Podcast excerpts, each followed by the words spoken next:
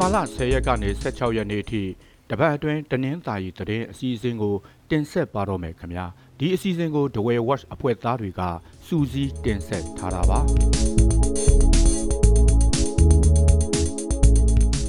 PDF ရဲဘော်2ဦးကိုလောင်းလုံးမြို့နယ်ပြည်သူ့ကာကွယ်ရေးတပ်ဖွဲ့ကဒီဇင်ဘာလ17ရက်ညနေပိုင်းမှာဖမ်းဆီးလိုက်တာကြောင့်တော်လန်ရေးအဖွဲ့အချင်းချင်းကြားမှာတင်းမာမှုတွေဖြစ်နေပါတယ်။လောင်းလုံးပကဖတပ်ဖွဲ့တစ်ခုဖြစ်တဲ့ ဝန်ပလွေတပ်စုကရဲဘော်ရေခဲနဲ့ပြည်သူ့ကာကွယ်ရေးတပ်မတော်ဒဝဲခရိုင်အမှတ်2တိုင်ရင်ကရဲဘော်သားကြီးတို့ကို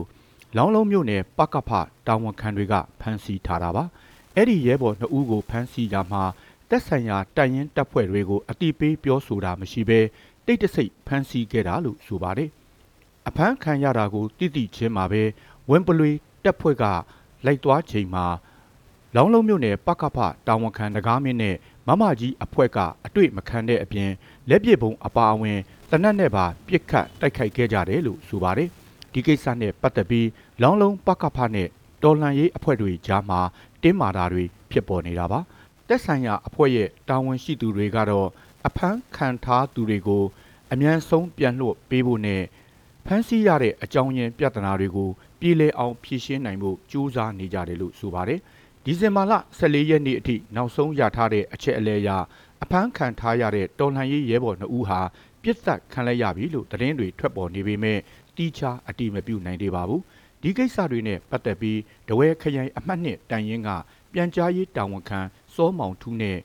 ဝမ်ဘလွေတက်စုကတာဝန်ရှိသူတွေကိုဆက်သွယ်မေးမြန်းခဲ့ပေမဲ့ထုတ်ပြန်ပေးမယ်လို့ပြန်လည်ဖြေဆိုခဲ့ပါတယ်။ဒီကိစ္စနဲ့ပတ်သက်ပြီးဒဝဲခရိုင်ပကဖတာဝန်ခံ ရဲဘော်ဇီဝကနဲ့တာဝန်ရှိသူတွေကိုဒဝဲဝက်ကဆက်သွယ်မေးမြန်းဖို့ကြိုးစားနေစေဖြစ်ပါတယ်။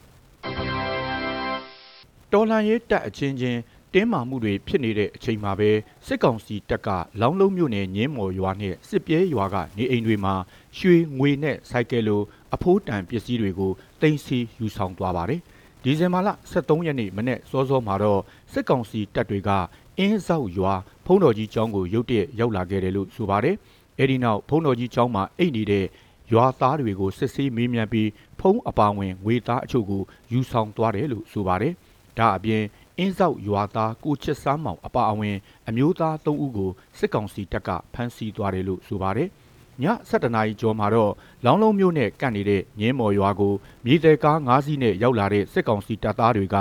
နေအိမ်တွေစီကရွှေငွေစိုက်ကယ်နဲ့လက်ကင်ဖုံးတွေကိုတင်စီယူဆောင်သွားကြပါတယ်။ စိုက်ကယ်10စီးလောက်ပါသွားတယ်လို့ကြက်သိန်း900နီးပါးတန်ဖိုးရှိတဲ့ရွှေငွေနဲ့လက်ကင်ဖုံးတွေပါသွားတယ်လို့ဒေတာခန်တွေကပြောပါတယ်။တကောင်းအချိန်3ဘီးနဲ့ရောဘာချစ်ဖို့ထွက်လာတဲ့ဒေတာခန်တယောက်ကိုလည်းစစ်ကောင်စီတပ်ကပြစ်ခတ်ခဲ့ပေမဲ့ထွက်ပြေးလွတ်မြောက်ခဲ့တယ်လို့ဆိုပါတယ်။ဒီဇင်ဘာလ15ရက်နေ့မနေ့မှာတော့ငင်းမော်ရွာနဲ့ကပ်နေတဲ့စစ်ပြဲကြီးရွာအုပ်စုကိုစစ်ကောင်စီတပ်သားတွေထပ်ရောက်လာပြီး ပြည်သူပိုင်းဆိုင်ကယ်ရွှေနဲ့ငွေကြေးတွေကိုတင်စီယူဆောင်သွားကြပါတယ်။စစ်ကောင်စီတပ်သားတွေဟာရွာထဲကိုဝင်လာပြီးနေအိမ်တွေကိုမှွေနှောက်ရှာဖွေခဲ့တယ်လို့စိုက်ကယ်အစည်းအရေ30လောက်ကိုလည်းယူဆောင်သွားတယ်လို့ဆိုပါတယ်။ဒါအပြင်ဆန္ဒပြရင် PDF အားပေးရင်ကြေးရွာကိုမီးရှို့ပစ်မယ်ဆိုတဲ့စာတွေအပြင်လောင်းလုံးအောက်ပိုင်းကကြေးရွာတွေအနေနဲ့ PDF ကိုအားပေးရင်လမ်းကိုပိတ်ပစ်မယ်လို့လည်းချင်းချောက်ရေးသားခဲ့ပါတယ်။ စစ်ကောင်စီတပ်သားတွေပြန်သွားပြီးနိုင်ပိုင်းအကြာမှာတော့လောင်းလုံးမြို့မှရဲစခန်းကိုပြည်သူ့ကာကွယ်ရေးတပ်ဖွဲ့က drone နဲ့ဘုံတိချတိုက်ခိုက်ခဲ့တယ်လို့ဆိုပါတယ်။ဒီလိုတိုက်ခိုက်အပြီးမှာတော့ရဲစခန်းတွေကတနက်ပြစ်ဒဏ်တွေကြားရပြီးထိခိုက်မှုအခြေအနေကိုတော့မသိရသေးပါဘူး။ရေဖြူမြို့နယ်ကလိန်အောင်မြို့အလွန်ကပြည်ထောင်စုလမ်းမပေါ်မှာရဲတွေလိုက်ပါလာတဲ့ Honda Fit ကားတစ်စီးဒီဇင်ဘာလ12ရက်နေ့မနက်ကအပြစ်ခံရလို့ရဲအရာရှိတဦးအပါအဝင် 3ဦးတေဆုံးသွားပါတယ်။ကလိန်အောင်နယ်မြေရဲစခန်းကရဲတွေလိုက်ပါလာတဲ့ Honda Fit အနက်ရောင်ကားကိုရေးတဝယ်လမ်းပိုင်းရှိမိုင်60ရွာနဲ့တာယာမွန်ရွာအကြားမှာအပြစ်ခံရတယ်လို့ဆိုပါတယ်။အဲ့ဒီကားဟာမလွဲတောင်ဘက်ကနေဒဝယ်ဘက်ကိုဥတီမောင်းနှင်လာခြင်းပြစ်ခတ်ခံရတာဖြစ်ပြီးကားရှိခန်းမှာတဦးနဲ့အနောက်ခန်းမှာနှစ်ဦးကိုသွေးတွေနဲ့မြင်ရတယ်လို့မျက်မြင်တွေ့တဲ့ကားသမားတွေကပြောပါတယ်။နေ့လယ်ပိုင်းမှာတော့ပြစ်သက်ခံရသူ၃ဦးရဲ့အလောင်းကို ကလိန်အောင်မြို့ကိုပြန်သယ်ဆောင်လာတယ်လို့ဆိုပါတယ်။ရဲတွေလိုက်ပါလာတဲ့အဲ့ဒီကားကိုဘယ်အဖွဲ့ကပြစ်ခတ်ခဲ့တယ်ဆိုတာကိုတော့မသိရသေးပါဘူး။အာဏာသိမ်းပြီးတဲ့နောက်ပိုင်းရေးတဝယ်လမ်းပိုင်းရေဖြူမြို့နယ်အပိုင်းမှာစစ်ကောင်စီရန်နန်းတွေမိုင်းဆွဲခံရလိမ့်ရှိပြီးအယက်သားကားဌာနဆိုင်ရာကားတွေလည်းမကြာခဏအပြစ်ခံရလိမ့်ရှိပါတယ်။ ဒဝဲဝက်သတင်းဌာနရဲ့မြိတ်အခြေစိုက်သတင်းသမား2ဦးဖြစ်တဲ့ကိုအောင်ဆန်းဦးနဲ့ကိုမျိုးမြင့်ဦးကိုစစ်ကောင်စီကဒီဇင်ဘာလ17ရက်ညတကောင်အချိန်နေအိမ်တွေမှာလာရောက်ဖမ်းဆီးသွားပါတယ်။တရင်ရေးသားတာကြောင့်ဖမ်းဆီးတာဖြစ်တယ်လို့လာရောက်ဖမ်းဆီးချိန်မှာမိသားစုကိုပြောဆိုခဲ့ပါတယ်။တရင်ဌာနတစ်ခုရဲ့တရင်တောက်တွေကိုညတကောင်အချိန်ဖမ်းဝရမ်းမပါဘဲဖမ်းဆီးသွားတယ်လို့ဘယ်နေရာမှာဖမ်းဆီးစစ်ဆေးနေတယ်ဆိုတာကိုလည်းထုတ်ဖော်ပြောဆိုတာမရှိခဲ့ပါဘူး။ The Way West Media ဟာသတင်းမီဒီယာလိုင်စင်နဲ့လုပ်ကင်နေတဲ့သတင်းဌာနတစ်ခုဖြစ်ပြီးသတင်းစာကြက်ဝက်နဲ့အညီသတင်းတွေကိုရေးသားထုတ်လုပ်နေတဲ့မီဒီယာတစ်ခုဖြစ်ပါတယ်။စုံစမ်းသိရှိရတဲ့သတင်းတွေအရသတင်းထောက်နှစ်ဦးကိုစစ်ကြောရေးစခန်းမှာဖမ်းဆီးစစ်ဆေးခဲ့ပြီးလက်ရှိမှာတော့ရဲစခန်းမှာချုပ်နှောင်ထားတယ်လို့ဆိုပါတယ်။ မြိတ်တဝဲကားလမ်းရှိတရချောင်းမြို့နယ်ဝင်းဝရွာတရားဟောင်းနာမှာမိုင်းကွဲလို့လူငယ်အမျိုးသားတဦးတေဆုံးသွားတယ်လို့တဦးဒဏ်ရာရသွားပါတယ်။ဒီဇင်ဘာ17ရက်ညနေကဝင်းဝတရားအောက်ဘက်ကိုစိုက်ကယ်စီးလူငယ်နှစ်ဦးဆင်းသွားပြီးနောက်ပောက်ကွဲတံတစ်ခုထွက်ပေါ်လာတယ်လို့ဆိုပါတယ်။မိုင်းကွဲလို့အသက်18နှစ်အရွယ်လူငယ်တဦးတေဆုံးပြီး14နှစ်အရွယ်ယောက်ျားလေးတဦးကတော့ခြေထောက်မှာကြီးစထိမှန်ခဲ့တယ်လို့ဆိုပါတယ်။ မိုင်းပေါက်ကွဲပြီးတဲ့နောက်တရားထိတ်မှာတက်ဆွဲထားတဲ့စစ်ကောင်စီတပ်သားတွေရောက်လာပြီးဒဏ်ရာရလူငယ်ကိုတနတ်နဲ့ပစ်ခတ်လို့အဲ့ဒီလူငယ်ထွက်ပြေးသွားတယ်လို့ဆိုပါတယ်။တေဆုံးသွားတဲ့လူငယ်အလောင်းကိုလာယူသူမရှိလို့စစ်တပ်ကမြုပ်နှံလိုက်တယ်လို့ဒေသခံတွေကပြောပါတယ်။မြိတ်မြို့ကကြက်ခံရေးပါတီဝန်ကြီးဟောင်းတဦးရဲ့နေအိမ်မှာဒီဇင်ဘာလ12ရက်ညကဘုံပေါက်ကွဲခဲ့ပါတယ်။သမ္မတဦးသိန်းစိန်အစိုးရလက်ထက်တနင်္သာရီတိုင်းစီမံဘဏ္ဍာဝန်ကြီးဟောင်းဖြစ်တဲ့ ဦးသိန်းလွင်ရဲ့နေအိမ်မှာဘုံပေါက်ခဲ့တာပါ